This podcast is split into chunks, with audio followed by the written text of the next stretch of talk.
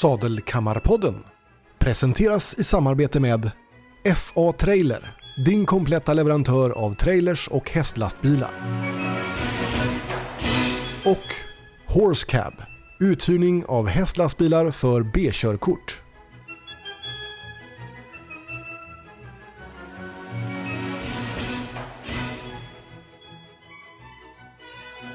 Hej och välkomna till Sadelkammarpodden. Idag så har vi en gäst som heter Patrik Reintal och eh, vad, vem är då detta? Jo, det är en man som har jobbat mycket inom radio. Han eh, blev indragen precis som jag själv i hästlivet med sin partners hjälp och har på så sätt 20 års dryga erfarenhet med hästar. Eh, han har hållit på sedan 2011 med fordonsuthyrning och det kommer vi osökt in på det här programmet vad vi kommer att prata mycket fordon. Ehm, och han äger och driver idag Horse Cab. Så hej Patrik och välkommen till Salkammarpodden. Hej, tack så mycket. Ja, som sagt var, vi ska ju prata mycket fordon idag. Eh, jag tänkte kolla lite grann, dels om din expertis. Du har ju hållit på med uthyrning som sagt var utav fordon, men mm. eh, vi, vi tänkte vi skulle gå igenom lite grann, vad, är, vad är en säker transport först och främst, om vi pratar säkerhet då. Um, för min del, vad jag värderar som jag tycker att man ska titta efter det är att du ska ha en säker transport med en bra störtbur om olyckan väl är framme. Ehm, och i det här fallet så kan man ju, och vad händer om, om olyckan är framme och släpet hamnar i diket? Jo, då vill man ju att hästen ska kvar i transporten. Så helt som möjligt. Ja, så helt som ja. möjligt. Och där har vi, vet jag, du hade lite exempel också på hur mm. det kan gå illa. Ehm, Precis. Jag är sån där som nördar ner mig i eh, andras olyckor, det låter ju här väldigt hemskt men eh, ja. jag, jag, försöker se liksom när man hör och talas om att det är någon hästtransport eller hästlastbil involverad i en olycka eh, så försöker jag att se hur gick den här till och hade man kunnat undvika den på något sätt? Ja, och det är ju faktiskt någonting som både du och jag har erfarenhet att det är tyvärr väldigt mycket skräp som finns på vägarna idag. Och då menar jag inte bara nytt utan många gånger så är det att folk åker i fordon för länge utan att eh, ta, ta, hänsyn till att kanske väggar och golv och konstruktion inte är riktigt anpassat för det man transporterar. Nej precis. Eh, eller att man kanske har någon, som du säger då, inte anpassat för att man kanske har en eh, eh ja, kanske bygger en hästlastbil av eh, någon gammal eh, byggarbil Precis. eller liknande. Eh, ja, för... Går loss med svetsen och så, ja det blir nog, duger nog, min häst får plats där inne, ja. nu kör vi. Precis. ja, men som sagt varför, om, vi, om vi tittar, jag, jag har tagit ner det till fyra punkter som jag ville framhäva just mm. för att man ska vara uppmärksam på. Det ena är just att man ska ha någon form av störtbur och störtbåge mm. i transporten när man väljer en transport. Ehm, och sen tycker jag personligen att kulhandsken är också någonting man ska titta väldigt noga på. Ehm, har du en pressad plåthandske, nackdelen med en sådan handske är att den kan materialutnötas, det vill säga att om man åker, rycker och sliter lite grann, att man bromsar, gasar så, så kan den alltså pressa ut sig. Eh, och på så sätt tappa förmågan att hålla kvar vid kulan. Så vad vi rekommenderar är en gjuten kulhandske eller att man har typ sådana krängningshämmande drag som låser fast ordentligt på kulan. Det ser man om inte annat om man går till en mack som hyr ut eh, släp så ja. ser man skillnad på de här enkla små gallersläpen som man transporterar skräp till återvinningsstationen mm. eh, och eh, till exempel biltransportsläpen som ju är gjorda för en rejäl last. Att det är en helt annan kulhandske ja, för det, du vill ju inte tappa den här släpkärran om du når, absolut inte när du har din häst i, men aldrig så vill du tappa din släpkärra. Så att har man en pressad plåthandske, det behöver inte vara ett värdelöst alternativ, men man måste vara uppmärksam på att de här slits med tiden. Ehm, och de är duktiga på att upptäcka det på bilprovningarna så att, men man ska vara medveten om att det har hänt allt för många gånger och jag vet om ett flertal tillfällen. Till exempel där en hästtransport den här gången, tack gode gud, var lastad med hö. Helt plötsligt börjar köra om bilen som drar den. Eh, för att den har släppt i en kurva och sen så åker den ner i diket. Ja. Ehm, sen har vi punkt tre då. Vi måste ha ett säkert golv i den transporten vi åker mm. och där har vi ju du då med din olycksstatistik tittat in och säkert sett en del, del hemska saker. Ja precis. Eh, nu är det så att eh, det finns ju ett lagkrav på de som besiktigar mm. att om eh, ett släp ska användas för att transportera djur så måste de också besiktiga golvet underifrån. Ja. Eh, och det är tyvärr inte alla besiktningstekniker som, som kollar det. Så att eh, jag brukar säga att är man eh, hos Bilprovning eller andra företag som besiktigar bilar eh, med sitt eh, släp eh, så be att de kollar extra noga på det. Gå gärna med ner under i den här lilla gropen Precis. Eh, och be dem hugga lite grann och se hur ser det ut där faktiskt. Det, det... det är väldigt viktigt och här mm. kan, kan, jag nämna då att vi på FA Trailer, nu finns det ju många märken så att jag ska inte framhävda det just eh, märket som vi säljer IFOR på det sättet men generalagenten för IFO Williams är Trailer Import. Där har du en liten sajt där man kan gå in och anmäla sig om man vill göra en gratis undersökning av sitt golv oavsett märke. Och vi själva är anslutna till exempel så att kan man boka in och få en riktig kontroll så att man vet att golvet är säkert. Och det är som sagt vad det gör vi kostnadsfritt för att ni ska åka tryggt och säkert. Ehm, sen har vi en punkt till som jag tycker är extremt viktigt att ta upp panikbommar. Och här hade mm. du också någonting du ville tillägga med panikbommar i hästtransport. Ja, precis. Eh, det är så att det finns ju försäkringsbolag som säger att det här är ett krav för att du ska få ersättning om hästen gör sönder transporten invändigt. Ja. Eh, så avsaknad av panikbommar gör att du kan alltså få utebliven försäkring vid händelse av en olycka där hästen kommer lös. Och, så. och enkla sättet att kolla det, det är att ring ditt försäkringsbolag och fråga Vad är det mm. som gäller? Mitt släp ser ut så här. Vad är det som gäller? Men sen är det också det att det här är ju bara den ekonomiska aspekten. Att mm. ha en häst som hänger över en bom som inte går att få ner, det medför komplett livsfara att gå ner och knuffa ner den här från den här bommen. Både för dig själv och för hästen. Så att, eh, ja, om det ens går. Om det, ens vet, går. Det vet man inte. Så panikbommar mm. är en fantastiskt viktig livförsäkring mm. för dig. Precis. Sen har vi då säker lastbil. Vad ska vi titta på där? Jo, eh, först och främst det som Patrik var inne på förut här med ett stabilt bygge. Eh, det finns självklart byggare som kan göra ett jättebra jobb och bygga en bra lastbil. Eh, för att vara riktigt trygg så oftast så är det ju att man kan gå och så väljer man något av de stora märkena här. Eh, men det finns ju som sagt var byggare i liten skala som gör riktigt bra jobb och så finns det då motsatsen där man gör katastrofjobb. Mm. Ehm, och som du var inne på, de tar svetsen och så bygger de om en skåpbil till eh, sina ändamål eh, som Precis, passar dem. Det är inte, alltså bara för man kan hantera en svets så betyder det inte att man kan häst och förstår Nej. hur hästen beter sig och vad, vad är hästens behov. Precis.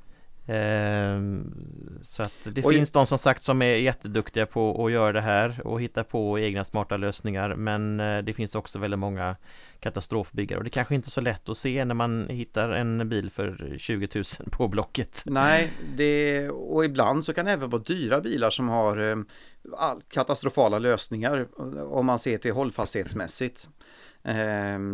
Men sen just hur man räknar med att eh, en bil eh, har rätt hållfasthet. Tittar man på de stora bolagen så de flesta de använder vad som är ett COC-godkänt fordon. Eh, det finns... Och vad betyder det? det? Ja, det betyder då att tillverkarna av det här fordonet har gjort en modell helt enkelt som är normen för hur alla bilar byggs. Och den här normen, det, det, är alltså den vikten och alltihopa, det är det som sätts till grund för alla bilar i framtida produktion. Men det kan komma till extrautrustning såsom hingstväggar, det kan komma annat med som då inte fanns med på normbilen i inredning för då räknas den som last. Eh, det, det kommer till sen, det kommer till alldeles strax. Ja. Det Men det innebär i alla fall att man har en bil som man har byggt och den här står normen då.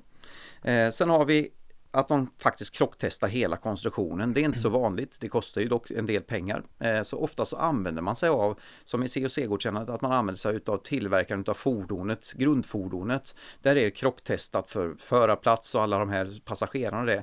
Ehm, och så skåpbygget är beräknat helt enkelt eh, säkerhetsmässigt. Ehm, sen har vi då punkt nummer två, bra ventilation. Det är ju inte bara när du kör med, på vägen som du måste få in luft och syre utan även på tävlingsplatsen. Och här har vi ju sett en del skräckexempel på eh, väldigt täta bilar. Eh, och just att man har rätt ventilation. Luften ska in ena änden av bilen, den ska ut i andra så att den inte cirkulerar och snurrar runt inne i för då kan den få transportsjuka. Gäller ju även självklart på, på, på, även på transporter för häst i en vanlig släpkärra. Så att luften inte blir stillastående och snurrar runt. Eh, för då får ju hästen i sig massa eh, höpartiklar, skräpartiklar och sånt in i lungorna. Och min hustru som inte är med i det här programmet idag eh, råkade ut för det här själv när hon skulle ner till Falsterbo. Kommer mm. ner och hästen har feber och har fått in partiklar i lungorna då, så att fått transportsjuka. Sen har vi då det här vikten och det är egentligen en kombination på punkt 1 på lastbilarna. För att många tillverkare är lite för optimistiska när de går in och sätter sina vikter. Eh, och det är många gånger så har man den där COC-godkända bilen då som var invägd med eh, en vikt på normbilen men sen har man lagt till då hingstinredning och allt det här och då väger den ju inte som den gjorde i från början utan då dras det från lasten. Skräckexempel som jag sett hittills här det var en bil som var utlovad 800 kilo i sina papper och det här var en väldigt känd, välkänd tillverkare utav de större modellerna. Eh, och de hade blivit lovade 800 som sagt var. Vi körde ut den på vågen fulltankad utan att det satt en människa i och tomt skåp så vägde den så mycket så att du hade 260 kilo kvar att lasta. Så stoppar vi in 75 kilo förare, eh, ett par sadlar, eh, en eh, medhjälpare så hade vi ett plats för två stycken små pekineser i, där bak. Ja, det är kanske inte riktigt vad man förväntar sig när man Nej. skaffar en hästlastbil. Nej, så att vi säger att våga väg bilen. Mm. För att det är en sak vad säljaren lovar dig mm. och en sak vad som är verkligheten. För att det som står på pappret, det är långt ifrån verkligheten många gånger. Så att eh, som hos oss så har vi förmånen att ha en polisens vågstation bara någon kilometer därifrån. Så att här kan vi åka ut och väga bilen. Så att och de är gratis att använda? Ja, gratis mm. att använda. Bara köra in så att, eh, och använda. Och ni som inte har den lyxen så kan jag tipsa om att eh, en vanlig bilskrot till exempel har ju våg och många sopstationer har vågar. Eh, så att köp gärna en lastbil från vilket håll som helst men våga åka iväg och väga den innan ni köper den. Precis. Och ska säga också det även eh, besiktningsföretagen har ju vågar. De som registreringsbesiktiga bilar. Precis. Eh, så att eh, man kan få betala en slant hos dem men Men det kan vara väl värda 200 kronor eller vad det kan ja. kosta att väga den här. Precis. Istället för hur mycket böter man nu får om man ja. stoppar av Precis. farbror blå. det kan bli väldigt kostsamt. Precis. Eh, sen är det då, det jag tänkte som sista punkten här med eh, lastbilar så är det det här med tresits eller femsits. För att många tycker ju praktiskt att ja, en femsits det är ju en fantastiskt skönt att man kan stoppa in packning och man sitter bekvämt. Hela familjen. Hela familjen får ju plats. Men som vi har kommit med vikt då så är det ju att vi har ju 3,5 tons totalvikt som vi kan utgå från på en sån här bil. På B-körkort. På B-körkort. Och det innebär att femsits är en utopi i alla fall om du ska köra två hästar. För det, det är ju som så att tittar vi på en stuteribil så väger de oftast dryga 100 kilo mer än den bominredda eller kästbarinredda bilen. Ehm, ska vi då lägga till att vi har fem personer i bilen, kanske en liten hund i mitten också som kryper omkring där, packning, två hästar, det går inte. Det är egentligen det jag hade tänkt att prata om med transporter så inledningsvis. Sen är det ju att Patrik här, han har ju sin expertis som sagt var. Och, ja, jag har hållit på med det några år. Ja, och uthyrningen, ska vi, vilken del börjar vi? Vi kan eh, börja med det här med eh, uthyrningens, uthyrningsdelen. Ja, för där är ju någonting som är en liten djungel. Precis. Men eh, eftersom du är en sån hopplöst bra nörd på det här så hoppas jag att du kan belysa oss och eh, de övriga lyssnarna. Mm. Vad är det egentligen som krävs för att hålla på med uthyrning? Eller ja. för att hyra ett fordon. Ja, precis. Eh, då skiljer man mellan släpfordon och motorfordon. Mm. Eh, och släpfordon får man hyra ut eh, för staten precis som man vill. Har man en eh, hästtransport på gården, ja men hyr ut den då. Men du behöver fortfarande försäkring? Man behöver fortfarande försäkring, precis. Mm. Ehm, och det är något som kallas för uthyrningsförsäkring. Mm. Eh, en vanlig helförsäkring består ju av tre delar Trafikförsäkring, halvförsäkring, helförsäkring Och den gäller för dig, den gäller för din familj Och eh, om du är en företagsledare så gäller den för dina anställda också mm. Men den gäller inte för någon annan När man då hyr ut Alltså det vill säga ta betalt av någon annan för Precis, för det går en gräns. Precis. Eh, yrkesmässig uthyrning av motorfordon för kortare tidsperiod än 12 månader. Mm. Så står det i lagen. Yeah. Och det är det som kallas för uthyrning då. Eh, och yrkesmässig betyder då att man tar betalt för en person som man inte har någon annan än en ekonomisk relation till. Och då krävs det alltså tillstånd för det. Eh, som sagt då, släp är okej okay, ut yrkesmässigt men inte motorfordon. Eh, så har man en moped, fyrhjuling, motorcykel, bil, traktorer, lastbilar, bussar så krävs det ett ja. tillstånd. Eh, har man däremot motorredskap, till exempel en åkgräsklippare som man hyr ut till grannen, det är okej. Okay. Mm. För det är ingenting som man åker iväg med på det sättet. Nej, inte speciellt långt. Nej, precis. inte fort i alla fall. eh, samma sak med truckar och liknande. Ja. Det är motorredskap helt enkelt. Eh, och sen finns det en gräns då över 12 månader och då är det leasing. Ja. Och det kräver då tillstånd för att få lisa ut ett fordon av Finansinspektionen. Ja. Eh, att hyra ut ett motorfordon utan tillstånd det är ganska allvarligt brott i Sverige. Ja, för det är någonting inte folk är riktigt medvetna om Nej. och i synnerhet så är det att man kan få hyra din hästlastbil eller så, mm. jag ska bara bort över helgen och för, vad är konsekvenserna egentligen? Konsekvensen är att du kan få fängelse i upp till ett år. Det så är, allvarligt är det. Det är ganska så väldigt allvarligt. Precis. Ehm, och hur gör man då för att få det här tillståndet? Ja, det krävs en del förberedelser. Man mm. går en kurs helt enkelt. Yeah. En kurs på två dagar tror jag den var. Och sen skriver man en skriftlig tentamen hos en branschorganisation som heter Biluthyrarna Sverige. Finns också en, eh, en organisation i Göteborg, ett företag. Eh, jag kommer inte ihåg deras namn ännu men eh, eh grunden är i alla fall Biluthyrarna Sverige. Eh, och då är det två olika tentor beroende på om man ska skriva för att få hyra ut motorfordon med totalvikt under 3,5 ton eller över 3,5 ton. Ja, för det är också en gräns som skiljer sig åt. Och, ehm, och nu är det inte så vanligt att man hyr ut eh, att man hyr de här stora bilarna på över 3,5 men under det är ganska vanligt och även släpkärror som sagt var. Precis, och det gäller alltså även om du hyrde ut din lilla Nissan Micra. Mm. Eh, så att det spelar ingen roll där egentligen. Nej, så fort du har tagit emot pengar för att få låna den så ehm, då är det ja. en uthyrning och då krävs det att du ska ha gjort det här. Precis, skrivit den här tentan. Mm. Med den tentan och resultatet, om man får godkänt på den, så går man till Transportstyrelsen och säger Hej, jag vill hyra ut motorfordon. Eh, då betalar man in en avgift till dem. Och sen så kontrollerar de dels att man har skrivit och blivit godkänd på den här tentan. De kollar också att man har skött sina tidigare betalningar, inga skatteskulder, inga liknande. Eh, att man inte eh, finns med i polisens register mm. på olika sort, eh, sätt. Eh, du ska vara en reko person helt precis. enkelt. Precis. och då får man ett tillstånd som gäller tills vidare. Ja. och Så från den dagen den? tror jag du har jag tror det är typ två veckor på dig att skaffa ditt första fordon. Så det, det är snabba grejer här. Ja, det gäller att man har plan planen upplagd. Precis, man kan inte bara, ja men jag går och skaffa tillståndet och så får jag se sen vad jag gör. Mm. Utan nej, direkt. Man kan bli av med det alltså direkt.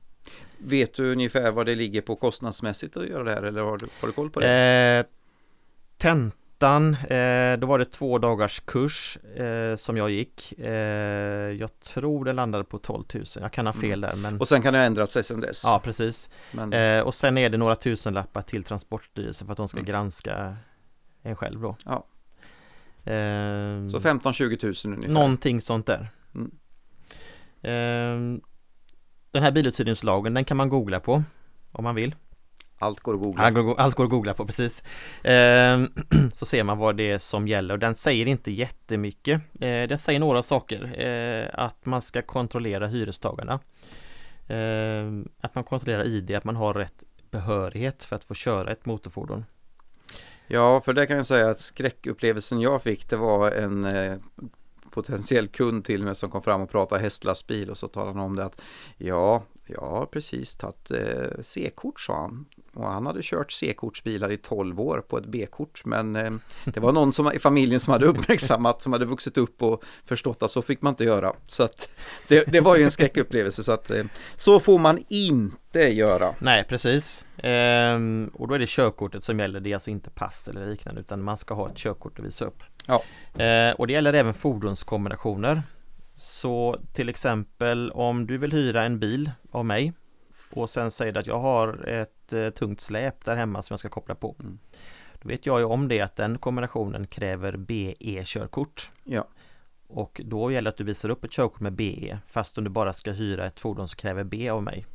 Ja, för här kan vi bara sticka in med en sak att det finns ju B-körkort. Sen har du ju ett utökat som kallas för B96 och sen så finns det BE.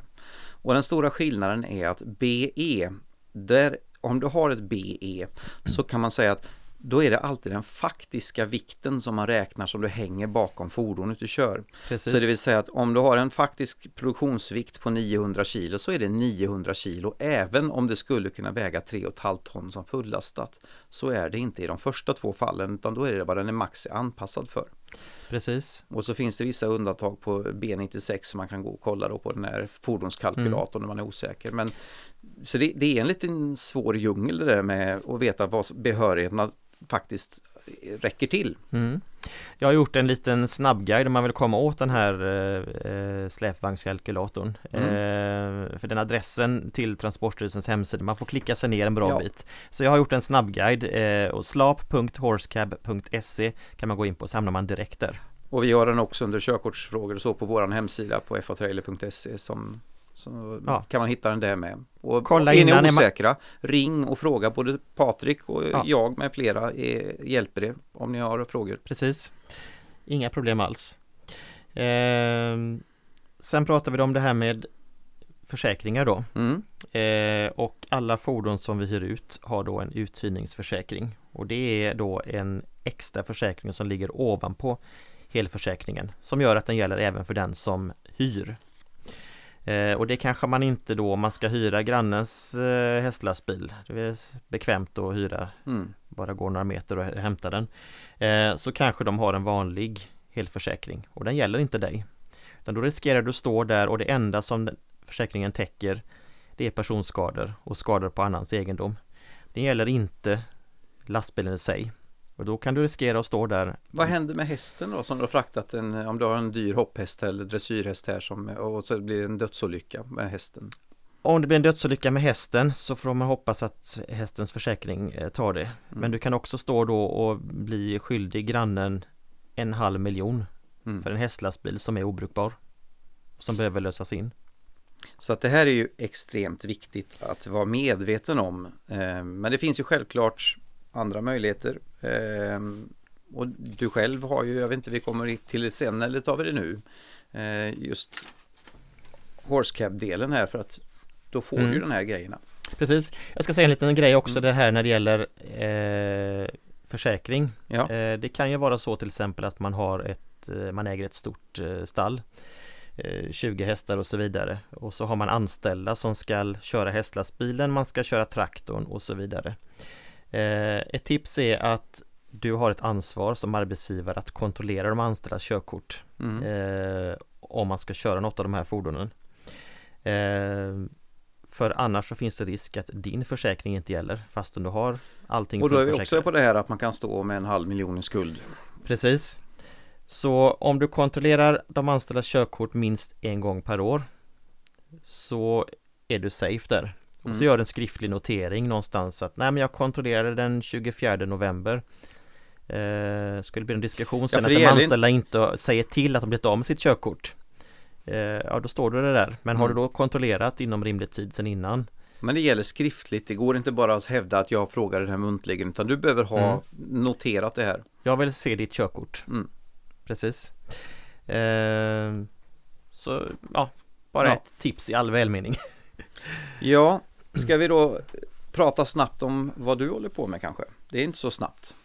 Nej, Nej, men det kan ta ett par timmar till det. För, för det är just det här att det är väldigt mycket du som Mm. privatperson måste veta och känna till Mm. för att du ska kunna hyra ut eller hyra en, det här fordonet. Mm. Men du har ju underlättat det här genom att själv ta på dig ansvaret att alla de här sakerna sköts. Hur går det till med Horsecab? Precis. Eh, jag har några bilar eh, själv och sen som jag hyr ut eh, från Kungälv där jag bor. Eh, jag har också några bilar som andra äger Precis. eh, runt om eh, i Västsverige. För man kan ju ansluta sig till den här tjänsten. Precis. Eh, och i och med att de personerna inte direkt får lov att hyra ut så innebär att min tjänst innebär att man kan hyra ut genom mig. Det blir alltså jag som blir uthyrare Ja. och hyrestagaren hyr av mig. Eh, och sen upplåter man sitt fordon till mig för att kunna hyra ut det. Mm. Eh, och då sköter man bilen så att den är, är snygg och desinficerad. Eh, man sköter besiktningar, verkstadsbesök eh, och så vidare. Eh, och sen så får man eh, uthyrningar Ja. via mitt bokningssystem. Och vad får man då för säkerhet? Du får alltså, då får du alla de här grejerna. Du har tillstånd, Mm. försäkringarna. Eh, försäkringen står ju hyres, alltså den, eh, fordonsägaren står ju för att man har en godkänd försäkring för Precis. bilen. Jag hjälper till att, så att den blir tecknad på ett Ja. korrekt sätt. Och, eh, men för övrigt så är det, det blir en bakgrundskontroll gjord på den som Precis. hyr. Så att du kan vara säker på att det inte finns eh, något Har du en bil så kommer jag med personuppgifter på hyrestagaren och säger att den här personen har det här personnumret, vill Mm. hyra av dig från och med det datumet till det datumet. Och sen eh, också att den här personen är kontrollerad. Mm. Eh, vad vi kontrollerar är då eh, betalningsanmärkningar. Vi vill ju veta att vi får betalt, inte bara Ja. för eh, hyran utan också även om det skulle inträffa en skada. Ja. Vi kontrollerar också mot Biluthyrarna Sverige, eh, den här branschorganisationen som har ett spärregister och där hamnar alla som inte har skött tidigare hyror precis. i någon form. Ehm, hos alla biluthyrare i hela Sverige. Mm. Eh, så man kan lita på att den här personen är bakgrundskontrollerad. Och pengarna betalas in till dig Ja, och sen så tar du din, ditt arvode och så går det tillbaka till eh, En uthyraren. utbetalning. Utbetalning Precis. helt enkelt. Och ehm, som sagt var, det finns det, händer en olycka så är det en självrisk som blir inblandad som då faller på hyrestagaren i det här fallet. precis. Ja. Eh, och den hjälper vi också till att, att driva in. Eh, Ja. om, det kan uppstå eh, konstiga frågor, folk som vill transportera allt möjligt. Eh, jag har haft en som eh, ville transportera eh, två stycken tjurar. Ja, Eh, då säger vi bara nej, det får man inte. Nej. det är fordon för hästar, that's Ja. it. that's it ja. Eh, ja, alla möjliga folk som krånglar och så vidare så att det finns ju alla möjliga typer av eh, människor och vi hjälper till hur man ska agera i de lägena, vad man ska säga, vad man ska när får man lov att neka någon hyra till exempel Men det innebär att du säkerställer att den som ställer sitt fordon till förfogande kan hyra ut det här tryggt via Precis. Forscap. så är det Ja. Ehm, Har du något mer du vill tillägga om just tjänsten som sådan? nej, vi söker ju hela tiden efter eh, nya Ja, eh, och lämpligtvis så har ju FA Trailer fordon så man kan då ansluta till det här. Precis. Att, eh, ja, antingen, eh, det är ju en av grejerna att det ska vara ett fordon från FA Trailer i så fall. Mm. Det får gått max 20 000 mil för sen så rangeras de ut helt enkelt. De får inte ha övergått det i Inte när vi, när vi börjar, sen får man Nej. titta lite grann och eh, skärskåda dem och se eh, är det Men fortfarande anslutningsmässigt så de Anslutningsmässigt så är det max 20 000 mil Ja. Så ni kan alltså köpa en begagnat fordon och ansluta det också Ja. så länge det kommer här genom det här samarbetet. Ehm, Och eh, som sagt då, vi finns idag på eh, fyra ställen runt om i Västsverige Mm. Eh, Det finns plats för fler ställen i Västsverige men vi söker också även eh, fordonsägare runt om i övriga Sverige Så att, och det går ju att ha faktiskt flera på en, på en och samma ort också. För det är ju som så att vi har ju märkt att de som har de här bilarna, de använder dem ofta privat också. Så att det är ju den tid som inte personen som äger lastbilen själv behöver den, så de hyr ut den. Eh, är det en stor tävling så är det ganska stor chans att de Mm. själv kanske vill använda den vid det här tävlingstillfället. Mm. Så att eh, det kan absolut, eh, behöver man inte vara allt för rädd för att ha flera uthyrare i ett eh, geografiskt Nej. område. Och är det så att man märker att oj, den här bilen vågar jag inte hyra ut för att det har hänt någonting det, Den larmar om trasig broms eller någonting Mm. liknande så kan man alltid överlåta en, en hyra på någon annan och Ja. vice versa eh, Och sen vissa tillfällen då eh, är det ju så det är extremt många som vill hyra vissa helger Ja. Jag Ja, hade är- mitt rekord tror jag är sju stycken till en och samma tävling Det kan vara lite svårt att lösa. Då blir det skytteltrafik. På den tiden hade jag bara en bil också så det var lite, lite knepigt. Ja. Ehm, så att... Eh, Sen ja. kan vi säga en, en extra säkerhetsgrej också på de bilar som vi levererar nu så är det alltid insatt en spårsändarutrustning. Så att eh, den är dold i själva konstruktionen på bilen. Så att eh, Det var den- bra du sa det. Ja. För att eh, när det gäller spårsändare då, eh, många är ju oroliga för att tänka om de sticker med bilen. Mm. Eh, och ja, det är dyra fordon. Eh, men å andra sidan så är ett sånt här fordon inte lika hett som till exempel en sportbil. Nej. Men ja, det har inträffat stölder av hästlastbilar men de är sagt inte är så jättevanliga. Men Så- en spårsändare gör ju att polisen prioriterar ett sånt land när det är Ja, pågående ett pågående brott. För det fördelen också med den här spårsändaren, den är också uppkopplad Mm. mot polisen så att de kan följa eh, den vägen i så fall. Så den är godkänd och, och hitta via polisen. Eh, Ja. Så att eh, det är väldigt tacksamt för det går ut en signal från spårsändaren eh, stötvis efter x antal minuter och är det som så att den har försvunnit så om man anmäler det så går det ut regelbundet så ser du exakt i realtid var bilen befinner sig. Och det är också ett väldigt bra sätt att få reda på att bilen inte har lämnat landet till exempel vid en uthyrning och säga att man har Mm. följt de åtaganden för man får inte bara sticka iväg till eh, ner till Sydtyskland för att man har hyrt den här bilen utan man måste ju tala om att hålla sig inom Sverige och ska man utomlands så är lite andra Då ska regler. man, precis, eh, då hjälper vi till med det också givetvis. Eh, och jag ska säga också med gäller spårsändare att det är någonting som man alltid rekommenderar. Eh, I alla den typen av fordon. Alltså eh, Spelar det ingen roll om du har köpt den av F8 eller, eller andra, men vi ska se till att de här Ja. typerna av stölder upphör. Precis, Så, det är, det är ett tråkigt gissel att folk inte kan respektera vad som är mitt och ditt. Precis. Så så är det. Ja, ehm, du hade gjort ordning en liten sån här härlig 10 10 Top 10. topplista, Ja, top precis. 10 ja, på hur man eh, transporterar sin häst på bästa sätt. Precis. Ehm, och eh, det är saker som jag ser att det kanske slarvas med. Eh, Mm. Man inte vet hur det går till. Ehm, Ska vi gå igenom punkt eh, ett? Jag kan, Om vi tar, då ska vi ta tillkopplingen av släpet och hur den ska gå till. Vad, hur, hur uppfattar du att det ska vara rätt sätt? ja, eh, många kanske har då hyrt ett gallersläp på macken och så kopplar man på det på kulhandsken och så rycker och sliter man i dragstången och så, ja men den sitter nog bra där. Eh, det funkar inte riktigt så på sådana här tunga släp som häst Nej, eh, släp eller även ens biltransportsläp eller liknande. Nej, för bara vårat stora, eh, om man tar på eh, Ifors, den här 511 till exempel, den väger faktiskt 1000 kilo tom. Du står inte och latchar med den hur lätt som helst. Nej precis, då finns det ett knep och det kan jag eh, faktiskt säga att det här lärde jag mig när jag tog BE-körkort för många år sedan. Då fastnar någonting. Precis, gå och ta det för jösse namn ska jag säga. Ja, Jag, jag har sagt det i ett annat program också, men jag, jag tycker det här är så underbart, hästägarmentaliteten. Man lägger lätt tio år på att utbilda hästen för att göra den här små fina rörelsen eller hoppa och de här. Men att lägga tio dagar på sig själv och ta det här körkortet och få B och få behörighet, det kan Precis. sitta väldigt långt inne. Jag ska vilja säga att snart kommer nog inte så många bilar som får lov att dra någonting överhuvudtaget. blir ju tyngre och tyngre. De blir tyngre och tyngre eh, med all teknik eh, Mm. på gott och ont. Framförallt då med elbilsbommen då. Ja. Så att eh, ni kommer att behöva BE. Eh, nej, då finns det då ett knep för att se att eh, kulhandsken verkligen sitter om kulan. Och det är att inte dra upp stödhjulet utan dra ner det istället. Trycka Precis. ner det i marken och sen så fortsätter man veva och så ser man att släpet lyfter bilen. Ja, precis, så att bilen och draganordningen följer med upp i luften.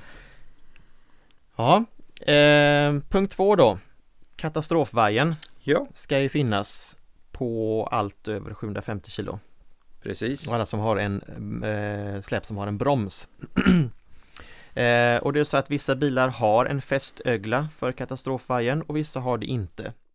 Eh, så har man en fästögla att koppla katastrofvajern till så gör det. Eh, finns inte det så eh, i så fall så kan man lägga det runt dragkroken. Precis. Men det är inte att rekommendera om man har annan Nej, lösning. finns det en ögla så ska den alltid användas. Precis. Ehm, Och punkt tre då, Punkt och välja tre. väg. Välja väg. Eh, om man ska köra någonstans första gången med sin häst så förbered eh, vart du ska åka. Analysera körvägen i förväg eh, och då kan man använda till exempel Google Maps och se Finns det en rakare väg så välj den framför en krokig väg även om det är längre. Det kan vara flera mil längre men välj helst den i så fall för hästens skull. Ja, för vill du ha en fräsch utvilad häst så är det ju mycket enklare om den har fått mm. stå på alla fyra benen utan att behöva anstränga sig istället för att parera kurvor med mera. Det, Precis. Det, och ska du komma till tävlingsplatsen och hästen inte presterar så och du har, du har fått en undermålig prestation på grund av att du har kört en dålig väg. Det är mm. ju det är lite synd. Eh, ibland ser man ju inte alltid på kartor om eh, hur vägens skick är eh, och då kan man kolla med Google Street View och gå ner och titta på bilderna. Hur ser vägen ut på lite olika platser? Är den stor och bred eller är den smal och krokig? Precis. Så välja väg är väldigt eh, viktigt för hästens skull. Och jag ser också punkt fyra att mm. ta mycket god tid på dig. Ja. Inte stressa. Nej. Eh, höst, högsta hastighet med släp efter bilen det är ju 80 km i timmen i de flesta fall. Eh, men det gäller om vägen är rak och eh, fin. Eh, I praktiken kanske man inte kan köra mer än 50 på sådana här dåliga småvägar. Eh, har man då hästlastbil, ja men det är lätt att tro att man kan köra så fort som det står på eh, skylten. Men det kan ju vara också så att hästen protesterar. Precis. Det vibrerar, det viner, eh, det hörs högre, kanske andra ljud ju fortare man kör. Så i praktiken så kanske man inte kan köra med 60 till 80. Nej, jag vet inte hur många som har testat att stå i en hästtransport. Nu är inte det kanske någonting som, det finns inga bälten eller någonting, men på grusvägen här ute så jag har testat och det är ingen skön upplevelse. Nej. Jag kan säga att det är imponerande att dessa stora djur går in och som gör flyktdjur det. Som är flyktdjur dessutom. Kliver in i en hästtransport för det är en ganska mm. otäck miljö. Så att eh, stor eloge till dessa fina djur. Eh, och ju transportovanare häst man har desto mer hänsyn till hästen måste man faktiskt ta. Det har man en skyldighet som djurägare. Ja, för att det är samma sak här. Om djuret blir stressat och upplever det som en väldigt otäck upplevelse så kommer du ha ännu svårare nästa gång du ska ge dig iväg och du kommer få ännu sämre prestationer kommer till din tävling eller bara du ska till veterinären så kanske du inte får in hästen ens en gång för att har haft en väldigt otäck upplevelse. Eh, så den är ganska... inte riktigt bra för Nej. att det kan ju inträffa saker som gör att du måste ta din häst till veterinären nu. Det finns ingenting Precis. att göra på utan det här måste du ha fixat innan. Så du, du kan ju få sådana konsekvenser av att inte eh, ta dig tid när du faktiskt har tiden. Mm. Eh, ta också hjälp av kameran. Ser hur hästen beter sig vid möten. Har du ingen kamera, skaffa en. Eh, jag kan säga att det, det, är just det här med kamera. Många skippar och förstår inte nyttan av det. Jag själv var ju en av dem. Men sen vi satte in kamera i vår egen transport så måste jag säga att det har blivit att jag får mig en rejäl avhyvling om jag skulle glömma skärmen när vi sätter oss och åker iväg. För att det är en sån trygghet att ha den här kameran. Och innan vi är här så vi pratade om en speciell olycka och nu var det här ett extremfall. Men jag tycker ändå att det är värt att ta upp den om du kan beskriva den Patrik som den här olyckan som hände. Eh, du tänker på den utanför Habo där? Ja. Ja, precis. Eh, om jag förstår, har förstått det rätt ska jag säga då, eh, så innebar det att hästen stegrade sig. Den, den betedde sig eh, Lite panikartat. Panikartat inne. Den stegrade sig. Eh, transportgrimskaftet lossnade. Eh, och den ställde sig alltså på bakbenen. eh, I det här läget då också så skallar den taket på transporten som mm. inte var bästa kvalitet. Eh, vilket innebär att taket eh, går sönder och väggarna kollapsar inåt mot hästen. Samtidigt så finns då ingenting för baklämmen att fästa i. Precis. Och hästen får i det här läget mer panik, fastnar i någonting och blir hängande efter bilen. Det här händer alltså innan de ens har hunnit och bromsa ner till noll. Ja, och men de fortsatte köra en stund om jag förstod också rätt. Ja, precis. De hade ingen kamera, ser inte vad som händer, Nej. märker bara att det rör sig mycket men... Precis, och det kan ju vara så att hästen har trampat om och man hör liksom dung, dung, dung, dung, dung, där sen innan och tänker mm. inte så mycket mer på det. Ja, ja, den gillar nog inte det här. Nej. Och fortsätter köra, tittar inte bakåt och inser att man har inget släp kvar, man har ingen häst kvar. Nej, det kan vara en otroligt bra livförsäkring men mm. också många gånger så kan det vara en trygghet att just se vad hästen hur den beter sig, att ibland trampar den runt som du säger, men den är ändå lugn i, blicken och du kan Mm. se att det är ingen fara. Nej. Men du kan också se och uppmärksamma när det är fara. Eh, Så att eh, det kan vara en extremt bra eh, tillvalsgrej att ta till när du köper släpet. Absolut. Eh, och det gör då att man kanske får köra lite långsammare om hästen tycker det. Eh, och jag har tagit ett exempel då. Eh, sträckan Göteborg-Stockholm. Eh, Mm. normalt sett kanske sex timmar. Eh, lägg på två timmar. Mm, precis. Så är det. Ja. Eh, Sen har du skrivit här punkt 5 tycker jag är lite kul. Ta av dig jackan. ja precis, det är faktiskt Ska en vi grej strippa som... här nu? ja, det kan man tro. Bästa måttstocken för om man kör hästvänligt Det är att känna hur man sitter i förarsätets skålning. För ett bilsätt har ju till skillnad från en vanlig köksstol har ju en viss skålning som ska göra att man sitter lite bekvämare. Eh, vad man gör då är att man tar av sig jackan innan man eh, sätter sig i förarsätet och sen sätter man sig rakt på stolen. Mm. Eh, och sen känner man efter när man kör och det här kan man göra även när man kör utan släp för att känna lite grann hur det känns. Eh, trycks man åt sidan i skålningen när man svänger, ja då har du svängt för kraftigt för en häst om du skulle haft en häst där bak då. Precis. Samma sak, lyfter man från stolen, då har du bromsat för kraftigt. Trycks du bakåt i sätet, ja då har du accelererat för kraftigt. Eh, någon kund till mig sa någon gång att ja men det här med eh, att vara häst och åka det är ungefär som att tänk dig själv att du åker buss och du har ingenting att hålla i dig för du har inga armar. Den skulle inte vara helt rolig, i synnerhet när man står där och Nej precis, så att eh, ja mitt tips är alltså för dagen, ta av dig jackan när du kör häst. Sen finns det ett annat väldigt bra uttryck som en eh, gammal travkusk sa. Du ska köra som om du hade ett ägg under foten med pedalen. Så att du ska alltså köra och du ska kunna trycka ner och gasa så långsamt eh, och röra fötterna så långsamt att ägget ska vara helt eh, efter att ha utfört manöver, manövern. Och det var inget hårdkokt ägg då? Då är det inget hårdkokt Nej. ägg. Då får vi omelett. Precis, ja.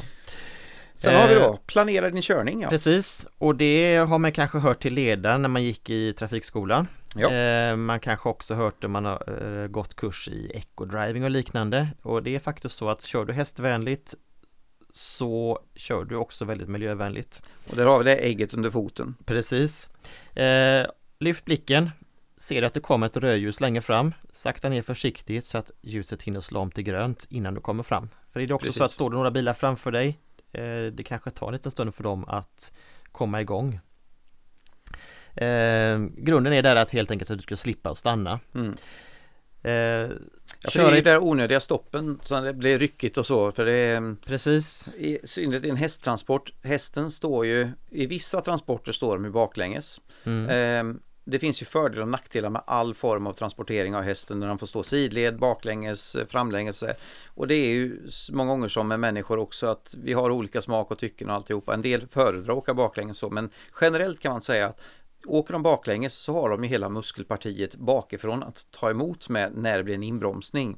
Eh, åker man framlänges så har du inte det utan då Det lutar de ofta mot, tar. det blir ju bogen som Ja. tar emot bommen då och det är inte skönt att få en rejäl smäll där även om det kanske inte är dödligt eller ens skadligt så är det väldigt obehagligt att få åka fram och tillbaka. Eh, och de kanske inte går på nästa gång. Nej, precis. Eh, så att eh, planera din körning. Eh, kör du tätort, jag hamnade faktiskt inne i centrala Göteborg en gång i rusningstrafik med häst. Eh, Det Ja. var en olycka så att jag var tvungen att köra den vägen helt enkelt. Eh, och då gäller det att hela tiden vara beredd på att någon kan hoppa fram bakom en bil och korsa gatan på dumma ställen. Ja. Eh, det kan ju vara så att man får ligga och tuffa där på tvåan genom hela tätorten. Precis. Och sen kan jag säga också att det vi pratade om tidigare med att planera sin rutt och så. Eh, jag kom bara tänka på en sak. Jag åkte här om dagen själv och levererade en eh, trailer i Göteborg. Eh, och när jag på väg ut mot Säve eh, och alltihopa så var det alltså eh, skarvar i vägen. Och det här släpet som jag hade, då kör jag i 70 på en 90-väg. Och jag kan säga att det studsade på de här skarvarna. Eh, och det var nio stycken skarvar på raken med ungefär 70 meters mellanrum. Ehm, så att det var ju tur att jag hade tomt släp och kunde hålla trafikhastigheten. Men hade jag haft en häst i, då hade jag nog inte kunnat köra mer än 25 över de där skarvarna. Nej, så är det ibland. De är inte alltid så jättebra, eh, våra vägar. Eh, Nej. Ett annat exempel är E6 genom Halland, som Mm. ju är betongväg.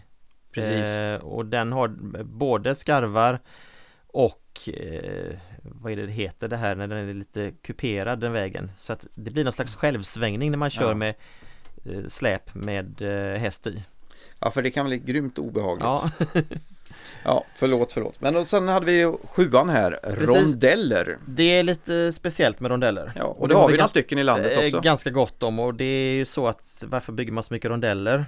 Kan man tro då och det är för att det har tydligen bara skett en enda dödsolycka i Sverige eh, i rondeller. Ja. Så därför så älskar trafikplaneraren rondeller. Eh, men det är att man får tänka till lite extra. Man måste planera sin körning så att man slipper stanna vid väjningslinjen. Eh, man ska vara beredd att hålla tillräckligt låg hastighet för hästens skull. Och tillräckligt låg, ja det kan vara att man går fram på ettans växel helt enkelt. Precis. Eh, hästen ser ju inte vad som händer. Det är inbromsning, det svänga höger, det svänga vänster, det svänga höger och sen accelererar man. Om du nu till exempel ska köra rakt fram i rondellen. Eh, som sagt då rätt växel kanske är ettan eh, och då får man helt enkelt strunta i om andra bilister tycker att man är en bromskloss. Precis. För man har faktiskt levande last. Ja, och det är samma sak. Eh, Jag vet inte hur många gånger jag själv har kört hästtransport på stora vägar och sen så får man ilskna trafikanter som tycker att vägrenen det är till för oss idioter som ska ut och köra häst. Vi ska helst inte finnas där alls. Och eh, gärna att de sniker förbi och nästan prejar oss i vägen. Jag har sett faktiskt, eh, jag hade en ehm, eh, en lastbil som körde om oss för eh, lite styvt ett år sedan. Och jag hade inte häst själv det tillfället, men bilen framför hade en hästtransport. Eh, och den här lastbilen mer eller mindre mosar ner så att han håller på att störta ner i diket. Den här. Det var helt och hållet, han fick panikbromsa bilen framför. Jag vågar inte ens tänka på vilken otäck upplevelse det var för hästen. Mm. Vi har en trafikmiljö idag som har blivit ganska otäck. Och i Ja. synnerhet så är det någonting som nästan får hornen till att växa ut på andra trafikanter när de ser en hästtransport i trafiken. Vi har inte där att göra nästan, den, den mentaliteten känns det många gånger som. Ja, tyvärr är det så. Eh, och det är ju så att, som säger, vä- vägrenkörning, det avgör ju Mm. den som kör om man Ja. ska ligga där eller inte. Det är ingen annan som har med det att göra. Nej, och du som framför det här fordonet har all rätt i världen att köra där.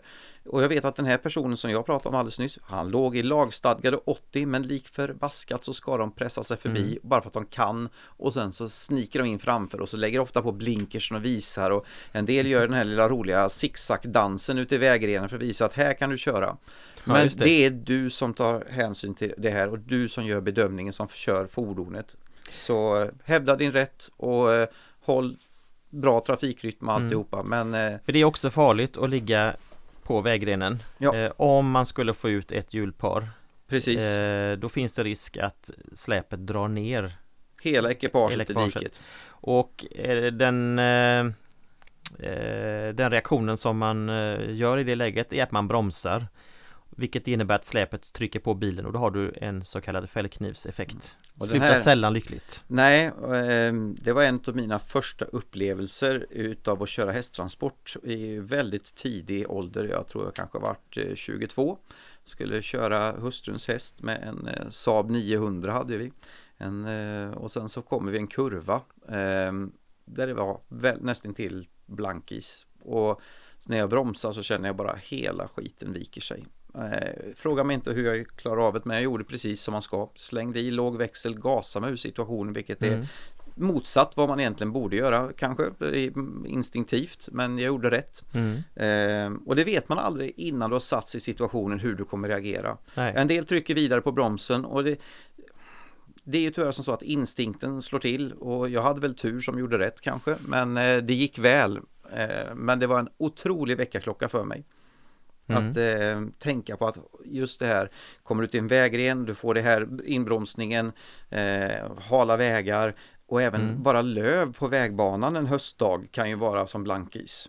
Så det, Precis. Men, Ja. eh, Då ska vi säga också en del om rondeller hade jag en liten notering här också. Eh, bara för att det finns två körfält in i rondellen så betyder det inte att man får lov att köra två bilar i bredd där. Eh, skulle man köra in i rondellen redan ligger någon där så har brutit mot väjningsplikten. Det står faktiskt i, eh, i lagen. Ja. Eh, det kan kosta dig 2000 kronor och händer det någonting så är man 100% vållande. Ja. Så ja, Det är samma sak, du ska alltid hålla avstånd till framförvarande bil. Eh, Du ska veta att du kan göra en inbromsning om han framför eller hon framför behöver bromsa. Så du precis. håll avstånd, planera din körning. Ja. Eh, och sen också det med att du måste blinka ut ur rondellen. Mm. Det är inte valbart, man måste blinka. Men det finns ju många bilar, ibland ofta sådana här lite finare, typ BMW och så, som de verkar inte ha fungerande blinkers har jag märkt. Nej, Kon- Eh, kontakta någon som hjälper dig med det i så fall. brukar jag säga. Men eh, nej, vi sagt, det, kan, det, kan, det kan kosta dig pengar alltså det här. Precis, ja. Det, Så är det. det var 500 kronor i böter som sagt var på att eh, inte blinka Mm. ut ur rondellen. Sen hålla sig uppdaterad om eh, trafikläget. Precis, ställ in din radio så att man får trafikmeddelanden om det skulle hända någonting akut. Man vill inte fastna i en olyckskö med Nej. häst. Eh, och ställ in din radio, ja om det står TP, de bokstäverna i din radio så betyder det att du har din radio koll på att det finns stationer som har eh, trafikmeddelanden. Precis. För det Traffic vara, passing står det för. ja, och det är ju skitsmart för då, Precis. vet du att du får du hela tiden uppdaterad Mm. information om trafikläget. Det finns också vissa GPSer som ger dig trafikmeddelanden och, och försöker hitta bättre vägar om man märker att här framme är det kö av någon anledning, kanske en olycka. Ja men då väljer vi en annan väg istället. Så att eh, mycket smart när man kör häst. Ja. Det sista man vill som sagt då det är att fastna med häst i trafikköer. Skulle du då, jag har väl punkt 9 här Ja. på min lilla lista. Skulle du trots allt fastna i köer på grund av olycka så ring polisen telefon 114 14 berätta att du har häst med dig för det kan finnas möjlighet att du får, kan få passera olycksplatsen om det är tekniskt möjligt och de bedömer att eh, det skulle funka. Precis, för de vill inte heller, ingen vill ha ett stressat eh, djur, en stor häst som eh, river både hästtransport och blir en, eh, springer iväg mitt i trafikolyckan. Nej, för då får de två olyckor på samma ställe och det vill Ja. de inte. Så finns det möjlighet så, så väljer de helst det. Eh, be att få prata med polis eller räddningsledare på plats. Men kom ihåg då, du får inte bryta kön utan att först ha pratat med polisen. Det är både olagligt och det är farligt. Ja. Eh, nummer 10 Det är om hästen inte är resvan.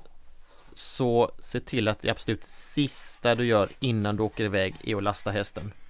Och det absolut första du gör när du kommer fram är att du lastar ur hästen.